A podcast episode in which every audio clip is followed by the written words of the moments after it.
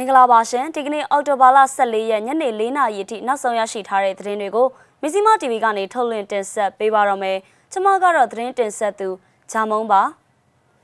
NUG ကမြန်မာနိုင်ငံလုံးဆိုင်ရာ CDM မိသက်ဝန်ထမ်းများကိုစားပြုကော်မတီဖွဲ့စည်းလိုက်ပါပြီဖလန်းနယ်ကကျေးရွာတရွာကိုစစ်ကောင်စီတပ်မိရှို့ခဲ့ပါတယ်ကရင်နီဒေသမှာစစ်ဆောင်တွေကိုကူညီရင်း Free Burma Ranger ကရင်နီအဖွဲ့ဝင်ကြဆုံသွားပါတယ်။ ဒီသတင်းတွေနဲ့အတူရန်ကုန်မြို့ကတက်ကြွလှုပ်ရှားသူလူငယ်တွေရဲ့ဆန္ဒပြရုပ်သံကိုလည်းရှုစားရမှာပါ။ NUG အစိုးရရဲ့ပြည်ထောင်နှင့်လူဝင်မှုကြီးကြပ်ရေးဝန်ကြီးဌာနက CDM လှုပ်ရှားမှုမှာတက်ကြွစွာပါဝင်လှုပ်ရှားနေကြတဲ့ CDM ပြည်သူမိသက်ဝန်ထမ်းတွေနဲ့ညှိနှိုင်းတိုင်ပင်ပြီးမြန်မာနိုင်ငံလုံးဆိုင်ရာ CDM မိသက်ဝန်ထမ်းများကိုစားပြုကော်မတီဖွဲ့စည်းလိုက်တဲ့အကြောင်းမနေ့ကညပိုင်းမှာထုတ်ပြန်ကြေညာပါရယ်။အဲ့ဒီထုတ်ပြန်ချက်ထဲမှာတော့ ပြည်သူလူထုရဲ့အသက်အိုးအိမ်စီးစိမ်နဲ့နိုင်ငံတော်ရဲ့ကုန်ထုတ်အရင်းအနှီးတွေယဉ်ကျေးမှုအမွေအနှစ်တွေကိုမိဘေးအန္တရာယ်ကနေတားဆီးကာကွယ်ရေးလုပ်ငန်းစဉ်နဲ့တဘာဝဘေးအန္တရာယ်အပါအဝင်တခြားဘေးအန္တရာယ်တွေကြာရောက်တဲ့အခါအရေးပေါ်ရှာဖွေကယ်ဆယ်ရေးလုပ်ငန်းတွေတာဝန်ယူဆောင်ရွက်တာ CDN ပြည်သူမိသက်ဝန်ထမ်းတွေကိုစနစ်တကျစုစည်းတာနဲ့အထောက်ပံ့တွေပေးနိုင်ဖို့အတွက်ရည်ရွယ်ပြီးမြန်မာနိုင်ငံလုံးဆိုင်ရာ CDN မိသက်ဝန်ထမ်းများကိုစားပြုကော်မတီကိုဖွဲ့စည်းလိုက်တယ်လို့ပါရှိပါတယ်။ CDM မိသက်ဝန်ထမ်းတွေအနေနဲ့ပြည်ထရေးကညွှန်ကြားချက်တွေကိုလိုက်နာဆောင်ရွက်ရမှာပါမြန်မာ Firefighters CDM Telegram Channel တခုကိုကော်မတီကဖွင့်ထားတယ်လို့ကိုစားပြုကော်မတီရဲ့သတင်းနဲ့ပြန်ကြားရေးတာဝန်ခံကပြောပါတယ်အဲ့ဒီကနေမိဘနဲ့သဘာဝဘေးတွေလက်ရှိကာလမှာရင်ဆိုင်နေရတဲ့အခြေအနေနဲ့အသိပညာပေးအစီအစဉ်တွေကိုတင်ဆက်သွားဖို့ရှိတယ်လို့သိရပါတယ်နောက်ပိုင်းမှာစိုးမိုးနယ်မြေတွေလွတ်မြောက်နယ်မြေတွေရလာပြီဆိုရင် NUG ရဲ့အုပ်ချုပ်ရေးရန်တရားတွေမှာဌာနတစ်ခုအနေနဲ့ပါဝင်လည်ပတ်ရမှာဖြစ်တယ်လို့အဲ့ဒီတာဝန်ခံကပြောပါတယ်စစ်တပ်ကအာဏာသိမ်းပြီးနောက် CDM လုတ်တဲ့မိသက်ဝန်ထမ်း800နဲ့1000ကြားရှိပါတယ်မြန်မာနိုင်ငံလုံးဆိုင်ရာ CDM မိသက်ဝန်ထမ်းများကိုစားပြုကော်မတီအဖွဲ့နဲ့အဆက်အသွယ်ရရှိတဲ့သူကတော့400ကျော်ရှိတယ်လို့သိရပါတယ် CDM လောက်လာမဲ့အဖွဲ့ဝင်တွေကိုနှွေးထွေးစွာကြိုးဆိုနေမှာပါမိသက်သမားကမိလောင်ပြင်ကိုရောက်ပြီးမိမငိမ့်သက်ရတဲ့ဘဝတွေကနေလွတ်စေခြင်းနဲ့ ပြည်သူမိသက်ဖြစ်ပူပေါင်းဆောင်ရွက်ပေးပါဆိုပြီးအဲ့ဒီသတင်းနဲ့ပြန်ကြားရေးတာဝန်ခံကတိုက်တွန်းထားပါသေးတယ်။လွမြောက်နယ်မြေရောက်ရှိနေသူတွေ PDF ထဲရောက်နေတဲ့သူတွေ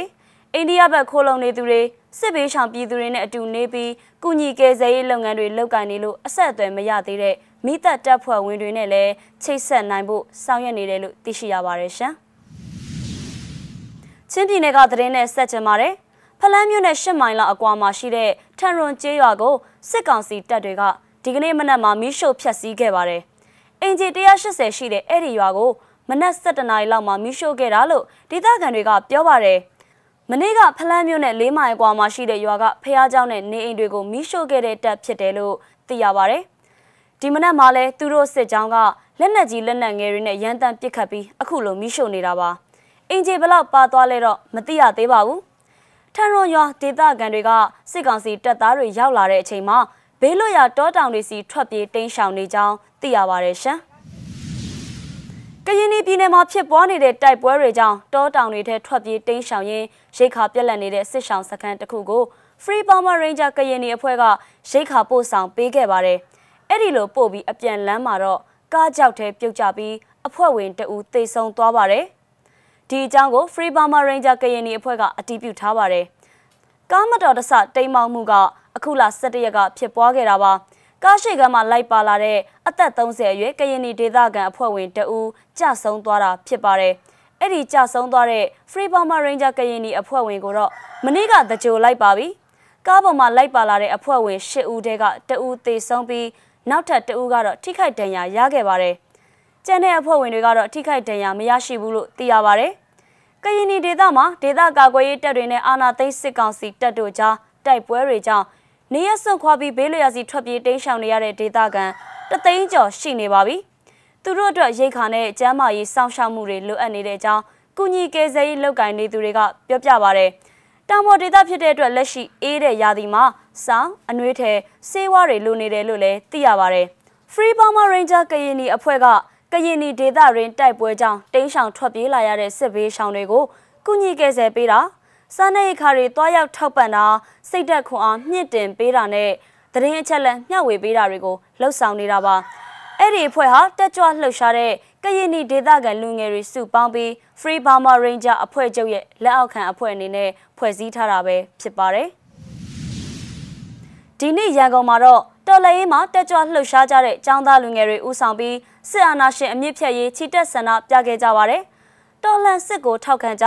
ငင်းချမ်းရေးအတွက်တိုက်ပွဲရှိရမယ်ဆိုတဲ့စာတမ်းကိုကိုင်ဆောင်ပြီးဆန္ဒပြခဲ့တာပါ။စစ်ကောင်ဆောင်မင်းအောင်လှိုင်ကိုလည်းရှုံချကြောင်းကြွေးကြော်ခဲ့ပါသေးတယ်။ဆန္ဒပြမြင်ကွင်းရုပ်သံကိုလည်းရှုစားရအောင်ပါ။မင်းအားလားစစ်စားကောင်းလေးဒိုလေးဒိုလေးမင်းအားလားမင်းအားလားနေလို့နေလို့မင်းအားလားမင်းအားလားနေလို့နေလို့ရေရလို့အာရမီရေရလို့အာရမီရေရလို့အာရမီ